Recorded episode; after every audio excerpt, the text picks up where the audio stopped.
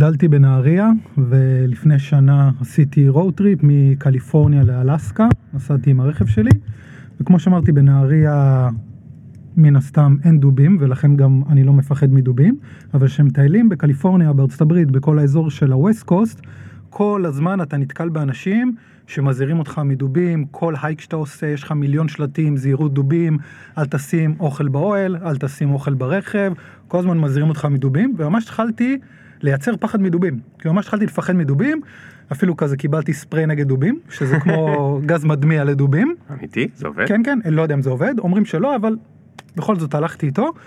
ואז כשהגעתי לאלסקה יש עיירת קורים ישנה שהפכו אותה לאזור כזה של תיירים, אה, קוראים לה מקארטני, ואתה לא יכול להגיע אליה עם רכב, היא סגורה לגמרי ממש, דלתות מעץ כאלה של ברים, אנשים, זקנים, זה, אתה כאילו חוזר זה 200 שנה אחורה, הם ממש שומעים זה כזה אותנטי מגניב, כמה שאפשר מן הסתם. אז אתה מכנה את תאריך ואתה צריך ללכת איזה קילומטר. ואז אני הולך לכיוון העיירה, מן הסתם לא לקחתי את הספרי דובים איתי, כי לא חשבתי שזה, שצריך ספרי דובים להליכה הזאת. יש לך כזה גשר, ואני כבר שומע את העיירה, אנשים, גיטרות, שירים וכל זה. ואני ממשיך, אני עובר את הגשר, ואיך שאני עובר את הגשר, אולי 5-10 מטר ממני, בשיח אני רואה תזוזה. עכשיו אני הייתי בטוח שזה איזה כלב גדול או משהו, לא יודע, אפילו לא חשבתי שזה דוב. המשכתי ללכת לכיוון השיח, 5 מטר ממני, יוצא לי דוב שחור ענקי, ענקי. עכשיו, הדבר הראשון שאני רוצה לעשות זה לרוץ. למזלי, כל הדרך, אתה כמו בצבא, מקרים ותגובות אומרים שכל החיים שלך עוברים מול החיים, כל האנשים שפגשתי עברו לי מול החיים, כל אמרו לי, אל תרוץ. לא משנה מה אתה עושה, דוב מגיע ל-40 קמ"ש, גם אם הוא לא מצא בך עניין, עכשיו הוא מוצא בך עניין, לא משנה מה, אתה, אתה כופה. אז אני עומד במקום, ואז הם אומרים, אתה צריך להיראות גדול. אז אני כזה עומד על קצות האצבעות, מרים את הידיים גבוה גבוה, ותדבר אל הדוב. עכשיו הדבר היחיד... תדבר אל הדוב? תדבר אל הדוב, שהוא ידע שאתה יודע, ממש, him, ת- תצעק עליו הכל, ואני עומד מולו, ואני, הדבר היחיד שהצלחתי להגיד, דוב. זו המילה היחידה שיצאה לי, כאילו. אז אני עומד מולו, דוב, ככה, אני מסתכל ואני כזה, דוב? חמש שניות, לא יודע כמה היה שם, אתה יודע, בא, מסתכל עליי, אני מסתכל עליו, מחליפים מבטים, ואז הוא איבד בעניין והמשיך ללכת. וואו. ואני, תשמע, יש לי גו פרו אחרי זה שצילמתי סרטון, אני לבן, יותר לבן ממך, לבן, לבן, אתה לא מאמין, אחי. יואו. לבן. זהו, זה, זה הסיפור. מה. ההסבר שלך שהוא לא היה רעב? לא, אז זהו, יש, קודם כל, דובים, אנחנו לא. הם, אנחנו לא האוכל שלהם, בני אדם. לא האוכל המועדף. לא האוכל המועדף. הם אוכלים, יש הרבה, יש הרבה תקיפות ויש הרבה אה, באמת אכילה של בני אדם על ידי דובים, אבל נגיד גריזלי, אה, לא יאכל אותך, הוא יהרוג אותך, הוא לא יאכל אותך. למזלי זה לא היה גריזלי, זה היה דוב שחור. דוב שחור, אם אתה, הוא לא כזה, הוא, הוא גדול, אבל הוא לא, הוא גם רואה בך, במיוחד שאתה עומד, כמו שאומרים גדול, אז הוא גם רואה בך סוג של חיה גדולה, הוא לא בטוח שווה לו, לא שווה לו, במיוחד אם הוא לא רעב, או אם לא רצת, Mm. גם, גם אם הוא בא לקראתך, אומרים שעדיף לך לנסות ולהכניס לו, כמה שזה מצחיק, אצבע לעין או משהו בסגנון, או אגרוף לאף, כי אם אתה תברח, וואו. אתה כאילו מצדיק לו איזה סוג של, אה, אתה יודע, יצר, פרדטור. יואו. אז כן, זה היה, זה היה מפחיד, אבל אה, שרדנו את הדוב. טוב, תגיד משהו, אה, חברים קוראים לך פלג כהן או לונלי פלג? חברים קוראים לי פלג. קוראים לך פלג. והלונלי פלג זה לונלי מלונלי פלנט או לונלי מפלג אה, שאוהב להיות בודד? אז זה שילוב, זה, את האמת זה לא שם שלי, יש לי חבר קוראים לו קובי, והוא כזה אמר, תשמע, לבלוג, אם אתה תפתח בלוג, לונלי פלג. לונלי פלג. לונלי פלג, ואז אמרתי אוקיי. אוקיי, כי גם טיילתי לבד, אה, חוץ מהשנה הראשונה כל השנים, אה, וגם כן זה משחק מילים מגניב כזה, בכמה ארצות כבר היית? 150 כרגע. 150. 150. אתה צריך לעדכן את האתר, כל פעם אני רואה מתובל איזה פוסט, אז זה עולה 130, 140, 150. 150 עכשיו. והמדינה האחרונה שהיית בה? אה, טורקיה, טורקיה. טורקיה. היית במקום חוץ מאיסטנבול? לא, היינו, את האמת שהיה לי זו הייתה שנה... קפיצה בדרך לארץ. בדיוק, היה לי שנה קצת אה, עמוסה אפילו בשבילי, זזתי מלא, כאילו זה התחיל מ... היה לי תערוכה במיאמי, מהתערוכה במיאמי... תערוכה של מה? צילומים. Mm. תערוכת צילומים במיאמי, בארט בזל, עשינו אותה. אה, אפשר להיכנס לזה אחר כך, אבל אה, בגדול אה, זה היה, אני מתנדב בעולם ויש פרויקט שאני מקושר אליו בפיליפינים, עם ילדים שחיים במזבלות, ומכרנו צילומים ב-10 אלף דולר, וכל הכסף תרומה לארגון הזה. מדהים. אז הלך, כן, הלך ממש טוב. היינו אמורים לעשות של... שלוש תערוכות, אה, הראשונה הייתה פצצה, אז לא הייתי צריך לעשות את השתיים האחרונות. וואו. חבר במקסיקו אמר לי, טוב, יש לך שבוע spare במיאמי, בוא למקסיקו. טסתי למקסיקו, חזרתי למיאמי, טסתי לתאילנד. מתאילנד לפיליפינים, פיליפינים פלאו, פלאו פפואה ניו גיני, ניו זילנד, פיג'י, סמואה, טונגה, קיריבאס, כל האיים של ה Pacific, איי המרשל, מיקרונזיה, אוסטרליה, איסט טימור, סינגפור, מלדיבים, סרי לנקה, איסטנבול. אז זזתי מלא השנה, אז היה לי אוקיי. טוב ככה שבוע איך אתה באיסטנבול. זוכר את כל זה? עכשיו הייתי שם, כאילו זו הייתה השנה האחרונה. אני לא זוכר מה עשיתי השנה. הייתי ב... הייתי כמה פעמים בחיפה. אני אוהב את חיפה. העיר התחתית מגניבה עכשיו, האמת. כן, נכון. מאוד, מאוד. אה, הייתי בפורטוגל, אתה יודע, ובקפריסין, אבל מה... כמה שנים אתה ככה כבר מטייל בכל מקום? עכשיו התחל, ביוני, התחלתי לטייל ביוני 2005, אז כאילו עכשיו נכנסתי לשנה ה-15 שלי, וואו. ואפשר לשאול בכמה אתה עכשיו? 36. 36. טיול טוב, אז. תגיד, אה, אתה יודע מה, אני אתן שלי רגע למוזיקה להיכנס ואני ארגע שנייה מכל מה ש... רשימת המדינות שנתת, ונתחיל את הסיפור, אוקיי? יאללה. מתחילים בעוד שנייה. Yeah. Boop, boop, boop, boop. One time. Ring the alarm, hot ass nigga. Big ass head so my dreams get bigger. Big campaign strong so my flows get sicker. Confidence bigger than a drunk ass nigga. אז מה קורה, פלג? מה העניינים? תגיד, מה... מתי נכנס בך הג'וק? ומה מה עשית עד 2005? עד 2005 הייתי, למה, כאילו הייתי בבית ספר, הלכתי לצבא. אה, סיימתי, הייתי לוחם בגולני, סיימתי את השירות, אה, ואת האמת לא הייתי בטוח כל כך מה, מה אני רוצה לעשות, זה לא שידעתי שאני אהיה מטייל בעצם, כשהייתי בצבא אמרתי, טוב, אני רוצה לכבוש את העולם. תמיד אהבתי לטייל, אבל זה לא היה איזה משהו כזה שידעתי שזה יהפוך להיות דרך חיים אצלי. כן. ו... וטיול אחרי צבא פשוט, אה, טסתי לתאילנד עם חברים מהצבא, מהמם. וזה נפתח לי. כאילו, הייתי תלמיד ממש גרוע בבית ספר, כאילו תמיד שנאתי בית ספר, אה, וגם, לא, לא משנה, אני, בוא נגיד שאני במערכת החינוך זה לא, לא מה שהלך טוב. אה, גם לא ידעתי אנגלית, לא ידעתי כלום, לא קראתי ספרים, שום דבר, כאילו, באמת, שום דבר שקשור לאדיוקיישן ומי לא היה כלום. ופתאום בתאילנד התחלתי ללמוד שפות, התחלתי ללמוד היסטוריה, התחלתי לקרוא ספרים וזה הכל כזה אמרתי וואו כאילו זה מעניין אני רוצה לפגוש אנשים אני רוצה לפגוש תרבויות אני רוצה לטייל אבל איך זה שהתחלת שם ללמוד כל מיני דברים? היית עם חבר'ה בתאילנד, זה לא המצב בדיוק ללמוד. כן אבל הייתי עם חבר אחד מהצבא אוקיי. אה, ואתה יודע אתה חייב להסתדר אתה יודע אנחנו עכשיו בקופנגן ויש לידינו אוסטרלים ב... בחדר ליד אתה מתחיל לדבר איתם אתה לא יודע אנגלית אתה שובר שיניים אתה יוצא בערב אתה משתכר אנגלית שלך יותר טובה שאתה שיכור נכון. כן, וככה אתם פשוט הולכים, אבל אז אמרתי, וואי, זה מגניב, וואי, אוסטרליה, רגע, ומאיפה אתם? והייתם במלזיה, רגע, אי אפשר להגיע למלזיה, למה אי אפשר להגיע למלזיה? פתאום, כל כך הרבה אינפורמציה, כן. אה, וזה, לא יודע, זה פשוט היה סכר כזה שנפתח, ש... שגיליתי שאני כן אוהב לקרוא, ואני כן אוהב ללמוד, ואני כן אוהב להכיר. וכל השנה הזאת היית עם אותו חבר? אז זהו, כן, אז אה, היינו ביחד בתאילנד, נפאל, לאוס, נגמר לי הכסף, נגמר שתינו הכסף, תכלס, טסתי לאוסטרליה עם 80 דולר, עבדתי בגינון, כאילו איליגל, שלושה חודשים, עשיתי קצת כסף, אוסטרליה, ניו זילנד, מזרח, אחרי שנה אה, אימא שלי אמרה לה מספיק תחזור לארץ, זה לא החיים, זה לא העולם, אי אפשר להמשיך ככה. אמרתי אוקיי, ידעתי שאני חוזר אבל לא ידעתי מה אני רוצה לעשות. כאילו ידעתי שאוניברסיטה זה לא אופציה, אין סיכוי שאני עושה פסיכומטרי הולך ללמוד, וגם אני לא מבית עשיר או משהו, אתה יודע, אז ידעתי שגם לפתוח עסק זה יכול להיות בעיה, כאילו לא ידעתי מה אני אעשה, אבל אמרתי משהו שונה אני בטוח רוצה לעשות.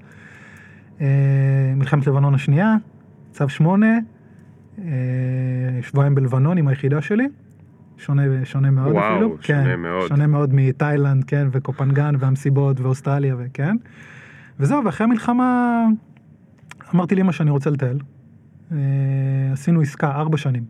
אמרתי, לה, תני לי ארבע שנים לטייל בעולם, אחרי ארבע שנים אני וואו, חוזר. בואנה, אתה טוב במשא ומתן. כן, כן, כן, ארבע, ארבע שנים מראש. ואז היא אמרה, סגור, ארבע שנים אה, נשמע כמו אחלה תוכנית. ואחרי ארבע שנים הגעתי לאפריקה, וכשהגעתי לאפריקה פשוט התאהבתי ביבשת, באנשים, במינימליזם, בכל הדברים בעצם שהמקום המדהים הזה מייצג. לאן הגעת באפריקה? היעד הראשון שלי היה דרום אפריקה.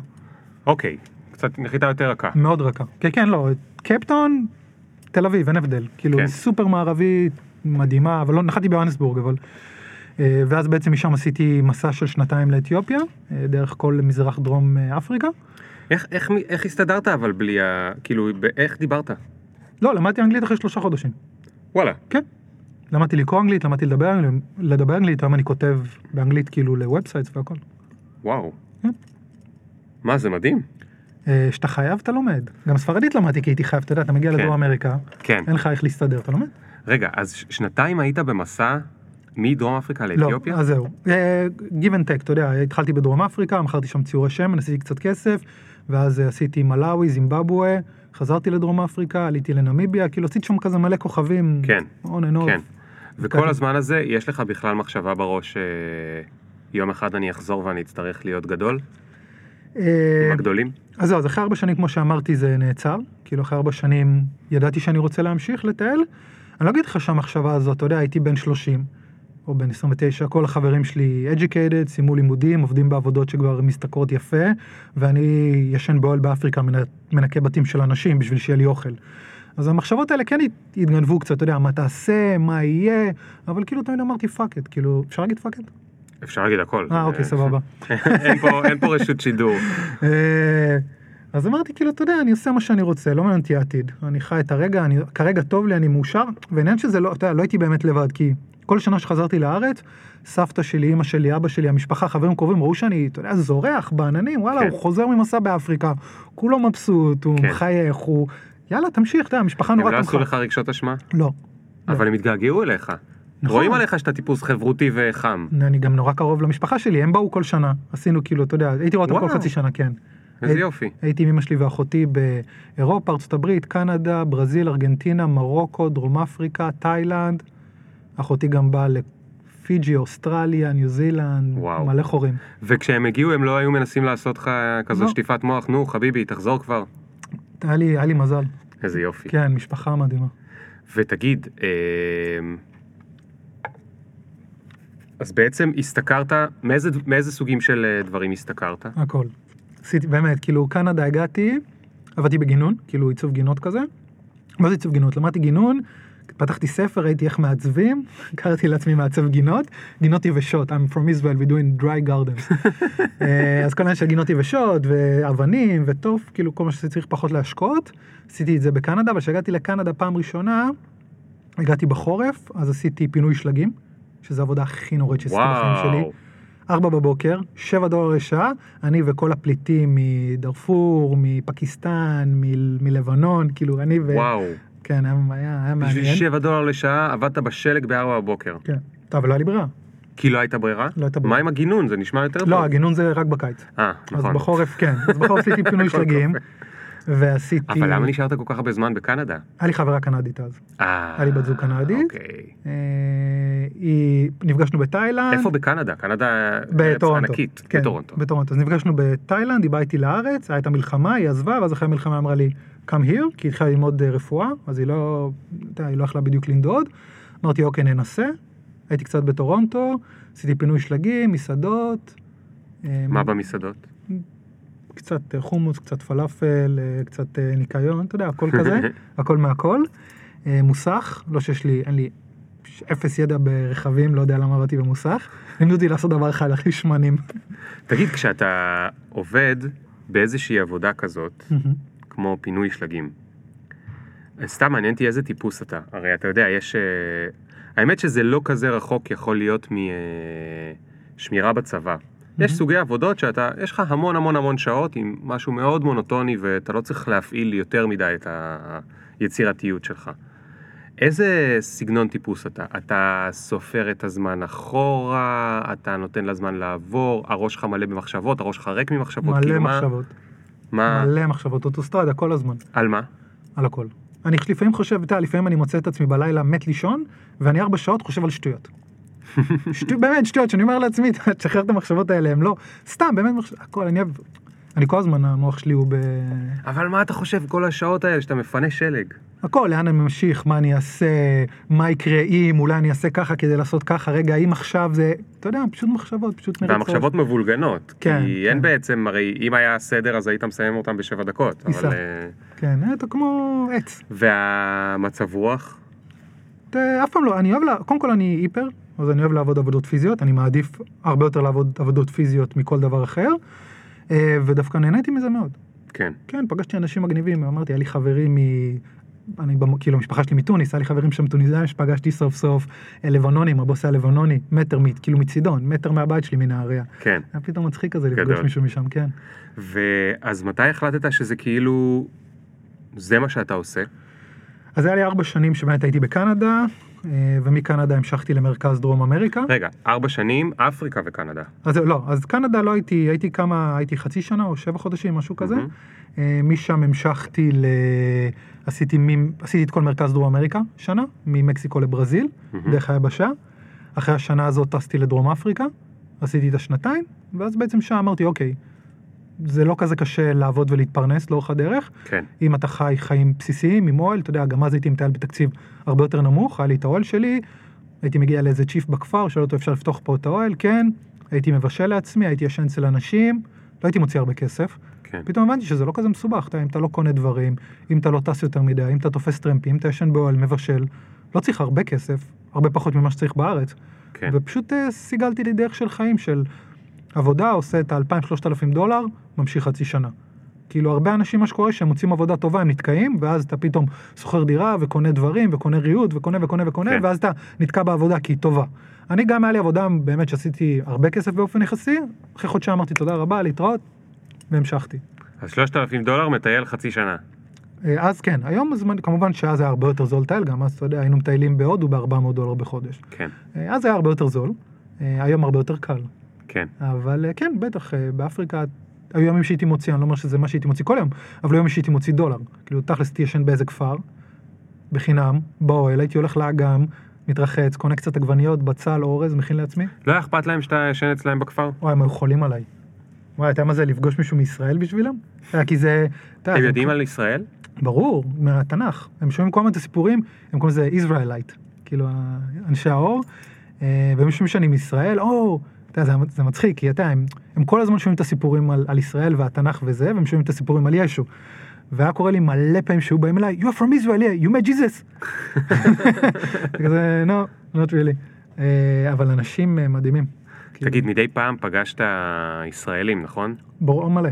ישראלים הם אומה של מטיילים. ואיך איך זה היה לך? כי כאילו אתה כבר בבוגרים, ועכשיו אתה פוגש איזה חבר'ה מתלהבים אחרי צבא, מטיילים בדיוק חודשיים, ויש להם בטח גינונים אחרים, הם באו עם מטרות אחרות לטיול, הם אולי אפילו לא כל כך מנומסים או נקיים או מתייחסים בכבוד, כי עוד אין להם את כל הדבר הזה. אז איך, איך היו בדרך כלל המפגשים שלך עם הישראלים?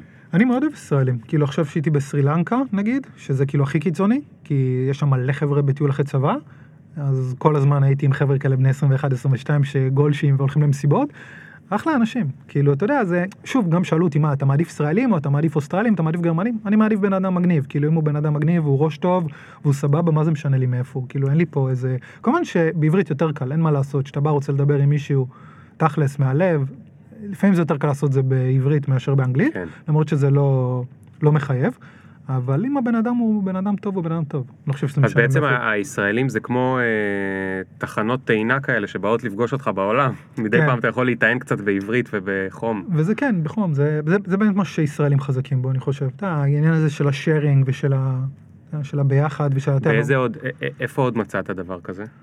באיזה סוג של עמים? אז זהו, נגיד מדינות, אה, ככל ש... אני גיליתי, ככל שאנשים יותר עניים, ככל שאנשים יותר בייסי, ככה הם יותר sharing. אז נגיד בישראל זה כיף, כי כאילו אנחנו מערבים לחלוטין, אבל עדיין יש את התרבות הזו של, ה... של הביחד, של הלחלוק, של הלתת. אה, מה שבנגיד, סתם דוגמה עכשיו, אה, בפסיפיק שהייתי, זה, זה פשוט ככה. כאילו הם פשוט חולקים איתך כל מה שיש להם, זה מטורף. אתה מגיע לאיזה מקום, הגעתי לוונואטו, שזה איזה אי, הם נחשבים האנשים הכי מאושרים בעולם, במדד האושר הם כל מגיעים כזה מקום ראשון, שני, שלישי, רביעי. אה, ויש להם את המשקה המקומי שלהם, שזה קאבה, שזה משקה, שזה חליטת תה שהם עושים מאיזה שורש, זה נראה כמו בוץ, אתה שותה אותו וזה ממש כמו לעשן וויד. כאילו זה ממש נותן, בין, בין וויד לשיכור, זה נותן לך ממש היי. כל מקום שאתה מגיע עם הקערות קאבה שלהם, קם, קם, קם, דרינק גלאס, אתה יודע, הם כל הזמן מזמינים אותך, נותנים לך, זה... כן. גם בסרי לנקה. כל הזמן ראיתי מקומיים, come drink with us, come eat with us. אתה יודע, יש ספר של אה, דוקטור סוס, שנקרא משהו, אה, אין לי צרות כאלה, או משהו כזה. אוקיי. שיש שם איזה ילדון חמוד, והוא הולך והוא נתקע באבן, וזו פעם ראשונה שהוא כאילו הכל שמח וטוב לו, ואז פעם ראשונה הוא נתקל באבן, ואז הוא נופל מהאבן, והוא אומר, אוי, איזה נורא זה להיתקל באבן, מעכשיו אני אזהר, אני לא אנסה להיתקל באבנים. הוא הולך ואז בא ונושך אותו ציפור בזנב, אז הוא אומר, אוי, עכשיו אני אצטרך להיות נורא זריז ולהיזהר מזה, ופתאום הוא רואה מלא אבנים, פתאום הוא רואה מלא ציפורים שנושכות אותו בזנב, והוא אומר, איזה צרות יש לי, איזה צרות יש לי, ואז מגיע איזה יצור מוזר על גמל חד אופן שרוכב על גמל, דוקטור סוס זה תמיד כן. הזיות על אה, אסיד. אז איזה, איזה, איזה חיה לא ברורה שמגיעה על חד אופן, שמחובר לגמל, והוא אומר לו, בוא, אני אקח אותך ל, אה, לארץ אה, משהו פלא הלה, שם אין צרות כאלה. אבל יש שם כאילו צרות אחרות, והקטע הוא שהם גם לא מצליח להגיע לעיר, כי בדרך קורות לו כל כך הרבה אה, אה, צרות אחרות. הגמל מקבל אה, מחלת אה, בועות, והרופא גמלים אומר שזה ייקח 20 שבועות, אז הוא נאלץ ללכת ברגל, ויורד עליו ש- אה, גשם, והוא נרטב, והוא זה, וכולם עובדים עליו. ו... אני מניח שהרבה פעמים שאתה מדבר עם אה, מבוגרים, נקרא לזה, הם כאילו שואלים אותך, תגיד, ממה, ממה אתה בורח? מאיזה צרות אתה בורח? אני אגיד לך משהו מצחיק דווקא, זה הצעירים שואלים, לא המבוגרים. המבוגרים עפים עליי. עפים עליי, אתה יודע, עכשיו ישבתי אתמול, יצא לי במקרה, ישבתי עם חברים של אבא שלי. אה, בדיוק באתי לארץ, ל- לראות אותו, ישבתי עם חבר'ה חדשים שלו, אתה אנשים בני 70, 80, בעננים. אתה עושה בשכל, תאמין, כל החיים עבדנו, פנסיה, מה אפשר לעשות? תראו אותנו יושבים פה עכשיו, גם אם יש לי כסף, איך אני אלך לתרק פה, איך אני אלך לעשה שם, והנכדים צריכים לשמור עליהם, והרכב. המבוגרים דווקא עפים על הסיפור שלי. עפים.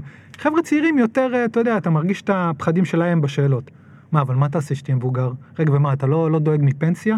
רגע, ומה, ואין לך בית? ולאיפה אתה חוזר כשאתה בארץ? כאילו, כל השאלות האלה דווקא חבר'ה צעירים שואלים אותי, המבוגרים, רק... אז אמרת, הם, הם שואלים את הפחדים שלהם. גם- זאת אומרת, של איך אתה. איך אתה מסתכל מבחוץ ואיך זה נראה לך? זאת אומרת, איך נראים לך החיים שלי, שהם רגילים, או של מישהו אחר, שאתה, לא יודע, אחותך, אה, מישהו? שוב, זה הכל עניין של בחירות, אנשים אומרים לי, אתה חי את החלום. אתה חי את החלומות. אני חי. אני חי... אני חי את החיים שלי, אני לא חי חלום של אף אחד. שוב, מה שאני עושה זה לא מיוחד. אני לא בן אדם מיוחד, אני לא חכם, אני לא עשיתי איזה משהו שהוא בלתי רגיל, עשיתי פשוט טיול אחרי צבא שהוא ארוך. כאילו, אני עושה מה שכולם הוא עושים. מאוד ארוך. מאוד ארוך, אבל זה ההבדל היחיד, כאילו, זה עניין של בחירות. שוב, גם החיים שלי לא מושלמים ולא הכל ורוד ולא הכל קל. אני אומר שזה עניין של הסתכלות. אם אתה בא ואומר, אוקיי, זה המחירים שאני צריך לשלם, that's the price, אם אתה מוכן לשלם את המחיר הזה, בסוף, אתה תלך לישון, אתה תקום בבוקר מאושר. כן. כמובן, יש קשיים בכל דרך חיים. אה, אני הצלחתי לחיות החלום שלי, פשוט מאוד כי התמדתי. זה הדבר היחיד כן. שעשיתי. כן. כאילו, התמדתי בדרך הזו ובאמונה שלי, והפחדים ברור שהם היו, כי פחדים לכולם יש. זה גם, אני לא מאמין שפחד זה איזה, נגיד לי יש פחד מקרישים. סבבה? פחד מוות מכרישים. אה, עכשיו זו הייתה הפעם הרביעית שצללתי עם כרישים, והרגשתי אשכרה נוח. בפעם הראשונה שצללתי איתם זה לא אוקיי, צללתי עם כרישים, הפחד עבר. גם פעם שנייה פחדתי, גם פעם שלישית, גם פעם רביעית טיפה חששתי, אבל שוב, אני מאמין שזה, שזה גם עם פחד זה תהליך, צריך baby step, טיפה, טיפה, כן. טיפה, טיפה, וגם אז יבואו פחדים חדשים, זה לא שיש לך פחדים, איזשהו מכסה שברגע שאתה מתמודד עם אחד אחר לא יבוא. זה חלק מהחיים, ואני מת על זה, אני אוהב את ההתמודדות הזו. כן. תגיד, יצא לך להתפלסף בצורה כזאת עם... אה, כאילו, אתה, אתה מצליח להג- להגיע לשיחות כאלה עם כל מיני אנשים שאתה פוגש? יש איזה דמות שאתה זוכר במיוחד, נגיד, ש... יש הרבה, אתה יודע, יש הרבה אנשים שאני פוגש והם אה, מדהימים. מן הסתם, הרבה שיחות כאלה קורים עם אה, נוודים אחרים. אה, אם זה עכשיו שהייתי באוסטרליה, פגשתי איזה בחור שפתח שם קהילה הזויה וחפר, אחי, תעלה של החמאס, מנהרה של החמאס, זה מה שהוא חפ... בחור הזוי אבל מגניב, הוא איזה אומן, פתח קהילה באוסטרליה ליד אה, אה, ברון ביי, ולא יודע מה, מישהו אמר לו שהוא צריך לחפור מנהרה, לא, זה לא מנהרה, זה תעלה, כי יש לה יציאה משני הצדדים, וזה עצום. אחי, זה ממש כמו של החמאס, עם המוטות והכל, וזה לא, לא קטן. הוא חפר שם תעלה. חפר לבד, ענקית, זה 40 מטר, שבסוף, כאילו, לא בסוף, באמצע שלה זה מתפצל, אתה מגיע לחלל, שזה איגלו כזה, שאתה יושב בפנים, וזה עם עד מושלם לנגן ולעשות סשנים, חושך ומלא זולעים, אה, תולעים זוהרות. וואו. בחור מגניב. אז כן, אתה פוגש מלא אנשים מגניבים לאורך הדרך, כל אחד יש לו סיפור. כן. אה, מה שאני אומר באמת בנדודים, או בטיולים, או במסעות, זה שגם יש לך זמן להקשיב. כי לכולם יש זמן. זה, זה, לאף אחד לא אומר שום מקום, אז כן. לכל אחד יש סיפור. כל אחד משתף עם הסיפור שלו, עם החוויה שלו. אתה מזהה נוודים אחרים מרחוק? אה, או, היום זה קשה, כי יש לך נגיד, היום יש לך, יש לך קודם כל נוודים דיגיטליים, שיש מצב שהוא, אתה יודע, מטייל יותר ממני בהרבה והוא עם חליפה. כן. אה, יש שם הכל מהכל, הכל מהכל, בגלל זה גם זה כזה מגניב, אני לא חושב שיש טייפקסט כן. עבדים. היום כן. זה כבר... אה, עכשיו, אה, תגיד, אה, אתה מטייל עם סמארטפון? בטח. כאילו, זה מאז... ש- אז זהו, לא היה לי פלאפון, הסמארטפון, הסמארטפון הראשון שלי, קניתי אותו לפני, נראה לי ארבע שנים בהודו, ב Main Bazaar בדלהי. לפני זה לא היה לי סמארטפון, לא היה לי כלום. היה לי אייפד, שאיתו הייתי כותב, כאילו הייתי רושם על האייפד עם ה notes. לא, בבלוג שלך. אז זהו, כן, הבלוג התחיל עם זה שהגעתי למערב, לא חשבתי בחיים שאני אפתח בלוג, כן? דיסלקט, דיסגרף, לא יודע לצלם, לא לעשות כלום, אמרתי בלוג, אני לא אפתח, אין סיכוי, כי כולם היו כזה, אתה יודע, הייתי פוגש גרמנים, מה אתה עושה, אני בלוגר, אה, אתה עושה, אני בלוגר. אמרתי, נראה מגניב, אבל אין סיכוי שאני אפתח בלוג. וכשהגעתי למערב אפריקה, לי, תשמע, מערב אפריקה זה סיפור שונה, זה מסוכן, יש שם ילדים חיילים, מלחמות, אבולה, מלחמות אזרחים, יהרגו אותך, ירצחו אותך, אל תיסע למערב אפריקה. וב-2012 נסעתי לסנגל, טסתי לסנגל, ובעצם חציתי את כל מערב אפריקה עד הגבול עם ניגריה, בטרמפים, עם האוהל שלי, ופגשתי את האנשים הכי מדהימים. כאילו באמת, כולם אירחו אותי ופתחו את הלב ופתחו את הבית, ואמרתי, אני חייב לשתף את זה. פשוט אה, הייתי כן. עושה תמונה של הבן אדם שמערכתי עם כמה מילים, זה פשוט יודע, התפוצץ כזה. ולא נתקלת במקומות הקשים? שוב, אתה רואה, אתה כן רואה מיליציות, אתה כן רואה, לא יודע, מיליציות, אתה רואה כוחות חמושים, אתה כן רואה ילדים חיילים, אתה, אתה כן רואה את הדברים האלה, אבל אין להם מישהו איתי. אתה מבין, אני כן. בתור טייל, חייתי בפאבלה בברזיל, סבבה? אה, טפג'רס, אחת המסוכנות, הייתי שם חמישה שבועות, ירו, הייתי בקרב יריות פעמיים, כאילו לא ירו עליי, פעמיים נק- נקלעתי לקרב של יריות, שוטרים, חמושים, בלילה, אתה לא, באמת, wild west. אבל זה לא נגדי. אני, שאני הייתי, משחק איתם כדורגל בפאבלה בלילה, הייתי חוזר ב-10 בלילה וילדים יושבים לך על הברזלים עם עוזי, אין להם issue איתי. כאילו, אני, אני לא הבעיה, הם, כן. אני לא מפריע להם, הם אבל כלום. אתה היית בלבנון, לראות מישהו עם עוזי לא מפחיד אותך באופן אה, ההפך, אינסטינקטיבי? אתה רגיל. אתה רגיל. החבר שהייתי איתו מפרו, פעם ראשונה שהלכנו ליער, אה, עזרתי לבנות שם פארק אקולוגי לפאבלה. בשביל זה הייתי שם, התנדבתי, ופעם ראשונה שהלכנו לראות את השטח, הייתי עם חבר מפרו, ונתקלנו בשני חמושים, והוא הפך להיות לבן. הוא לא היה מסוגל לדבר כאילו, כי פעם ראשונה שהוא רואה מישהו חמוש. כן. לי זה כאילו, אני לא אגיד לך שזה היה נעים, אבל... בסדר. אז תגיד, באמת אתה הרבה מסתובב ב, ב, בכל מיני מקומות ויש לך פרויקטים? מה, מה זה הפרויקטים האלה? מה, ספר לי קצת. אז uh, כשהייתי, ב... הגעתי למדינה המאה שלי, לפיליפינים, זה היה אחרי תשע שנים, זה היה סיפור מצחיק, כי כאילו רציתי להגיע למדינה המאה, והגעתי אליה בלי כסף כמעט, כאילו ממש בלי כלום. אמא שלי אמרה לי, מה, אבל אין לך כסף בחשבון, ומה תעשה שם? אמרתי, אמא, אני אסתדר. והגעתי למזבלה הזו, ל Smokey Mountain, שזו מזבלה שחיים שם אלפיים ילדים, באמת בתנאים אה, מחפירים, וראיתי ואמרתי, טוב, רגע, מה הם עושים שם? הם ממיינים את הזבל, אז פחות או יותר זה הפח זבל של אסיה, זורקים לשם הכל, פלסטיק, מתכת, הכל הכל הכל, זורקים, מזבלה ענקית, הרים של זבל, ועם הזמן הם עברו לשם, כי גם אתה יכול למצוא אוכל בזבל, אתה גם יכול למיין אותו, ופשוט עם הזמן זה הפך להיות קהילה ענקית. רק שם. ילדים? לא, יש שם אלפיים ילדים, מלא משפחות, כאילו, Hmm. לא יודע כמה מבוגרים, ראיתי איזה סרט דוקומנטרי כזה על מקום כזה בברזיל, יכול להיות? אני לא יודע, אבל הגיוני, כאילו, אז הם חיים שם על ההרים של הזבל? נכון. או ליד ההרים של כן, הזבל? וממיינים. והממיינים הזה זה מה שנותן להם כסף? נכון, אז אתה ממיין את הזבל, אתה מקבל, לא זוכר, נראה לי חצי דולר, אני לא רוצה להגיד סתם, נראה לי באזור חצי דולר לקילו של פלסטיק, שזה שקים ענקיים, אז הם ממיינים את זה, אז כל הזבל נשפך לשם, נשפך לשם. אה, אם מוצאים משהו שאפשר למכור, מוכרים. אה, חלקים ישנים של אלקטרוניקה, מפרקים. פלסטיק, ממיינים, אה, עץ, שורפים, עושים פחם, הם עושים מכל דבר משהו. הזבל שם כי, כי מה? כי המדינה מרשה? המדינה זורקת אותו שם. הם אוספים עכשיו את הזבל ממנילה. מנילה זה עיר עם מיליוני אנשים, עיר ענקית, אין מה לעשות עם הזבל הזה. כן. זורקים אותו שם, ממש, מכולות של זבל באות זורקות, כי האנשים לא ממיינים, והם ממיינים אותם. הם עושים את וואו. התהליך מיון. וואו. מזריקים, זבל, הכל. כאילו, אחד המקומות הכי מסריחים, הכי מזוהמים שהייתי, מן הסתם. Smokey Mountain אמרת. Smokey Mountain. למה? Smokey? כי בגלל שהם שורפים את העץ, Mm. לעשות פחם. אז הכל, זה, אני יכול לקחת לך תמונות אחר כך, זה הכל נראה כמו איזה סרט, Mad Max או משהו כאילו. אז זה גם לא, לא כל כך נעים להיות שם? לא. אה, לא, לא, קשה לנשום. אתה כולם כזה עם... אז למה הגעת לשם? כי שמעתי על המקום וזה נורא עניין אותי לראות אותו. אז הגעתי לשם פעם ראשונה, קוראים לי גם על טיסה, מסוכן, פגשתי איזה בחורה נוצריה שמתה על ישראל שמתנדבת שם, נכנסתי איתה, אה, הכרתי את הארגון, נורא נקשרתי לארגון הזה, רציתי לעזור, לא ידעתי איך. באותו ערב היה פורים, הגעתי לבית חב"ד, אה, פגשתי שם כמה חבר'ה ישראל, לא ישראלים, יהודים ממיאמי, עשירים כאלה, שיש להם חברות של, אה, כמו איקאה בארצות הברית פחות או יותר. מהמם. מולטי מיליונרים, אה, ואז הראיתי להם את התמונות מ Smokey Mountain, זה נורא ריגש אותם. אמרו, אוקיי, תקשיב, הרבה זמן אנחנו רוצים לתרום, יש לנו סכום גדול של כסף אנחנו רוצים לתרום, לא רצינו לתרום את זה אונליין, רצינו לעשות משהו טיפה יותר אישי, אנחנו סומכים עליך, קח את הכסף הזה, תעשה איתו פרויקט. וואו, ככה? ככה, בערב אחד? כן, והם לא הכירו אותך קודם. לא, כמה שתיתם? הרבה. לך היה הרבה לך, פורים. אה, וזהו, ואז עברתי לגור שם למשך איזה שלושה שבועות. אה, עשינו פרויקט של אה, מימנו ארוחות חמות למשך חצי שנה. את הארוחות החמות הם היו חייבים לקבל בבית הספר, כדי לבוא לבית הספר חייבים להתקלח. אז כאילו הרווחנו פה גם היגיינה בסיסית, גם חינוך וגם תזונה. ובזמן שהייתי שם עשיתי להם סרטון תדמית, שבעצם עם הסרטון תדמית הזה, אחר כך גם עזרנו להם לגייס כספים. אז כאילו הראינו, מימנו את הפרויקט לחצי שנה, אמרנו אוקיי, הפרויקט הזה עובד, הוא רץ, הכל בסדר, הארגון legit, הכל... זה כן. מה שקורה שם, זה הסרטון, זה ההוכחה, ו... ועד היום הם רצים והולך להם טוב. רגע, אז הם ממיינים את הזבל ואז הם עושים הפסקה ללכת לבית ספר? לא, אז זה תלוי, אתה יודע, זה לא כל הילדים באים לבית ספר, ולא כל יום הם ממנים את הזבל. ו... ואיפה הם התקלחו? אה, הם מתקלחים ב...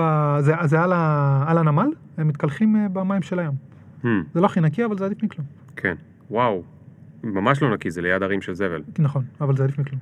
כאילו, לפחות הם נקיים. איך הילדים האלה, הם. הם מחייכים, הם שמחים, הם מצליחים ל- ליהנות?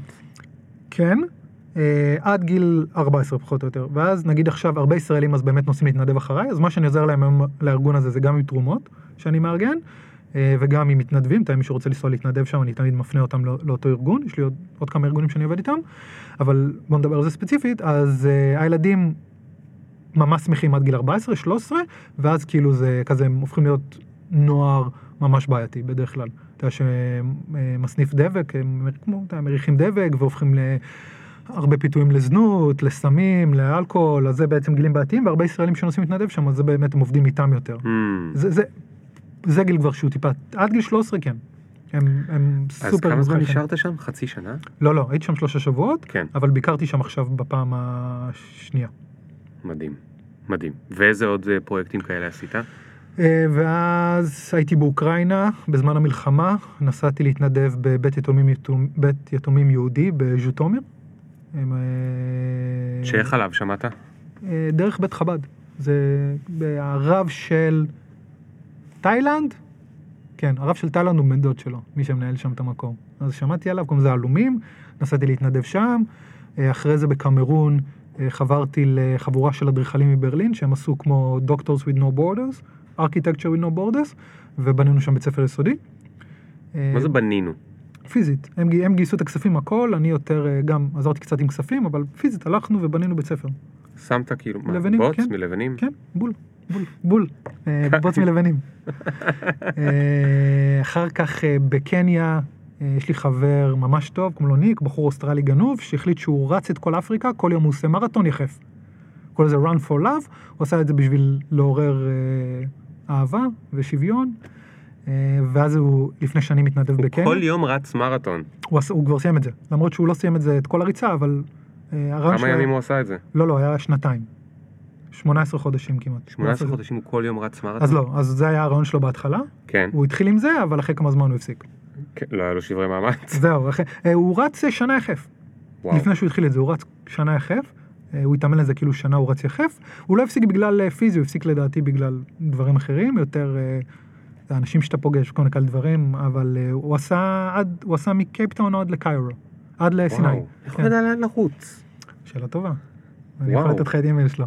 אז גם, כשהייתי באוסטרליה עכשיו ישנתי אצלו, אוי, בחור גנוב, אבל אני אוהב אותו מאוד. אז בקיצר, הוא התנדב בקניה לפני שנים, עם אה, ילדים אה, עם מוגבלויות, והם היו, היה להם איזה בית ספר, אפילו לא בית ספר, זה איזה כוך, כיתה שהכיסא גלגלים לא היה נכנס, ולא, באמת, מקום מוזנח לגמרי, גם בקיברה, שזה הסלאם הכי גדול במזרח אפריקה, ואז הוא מצא מבנה.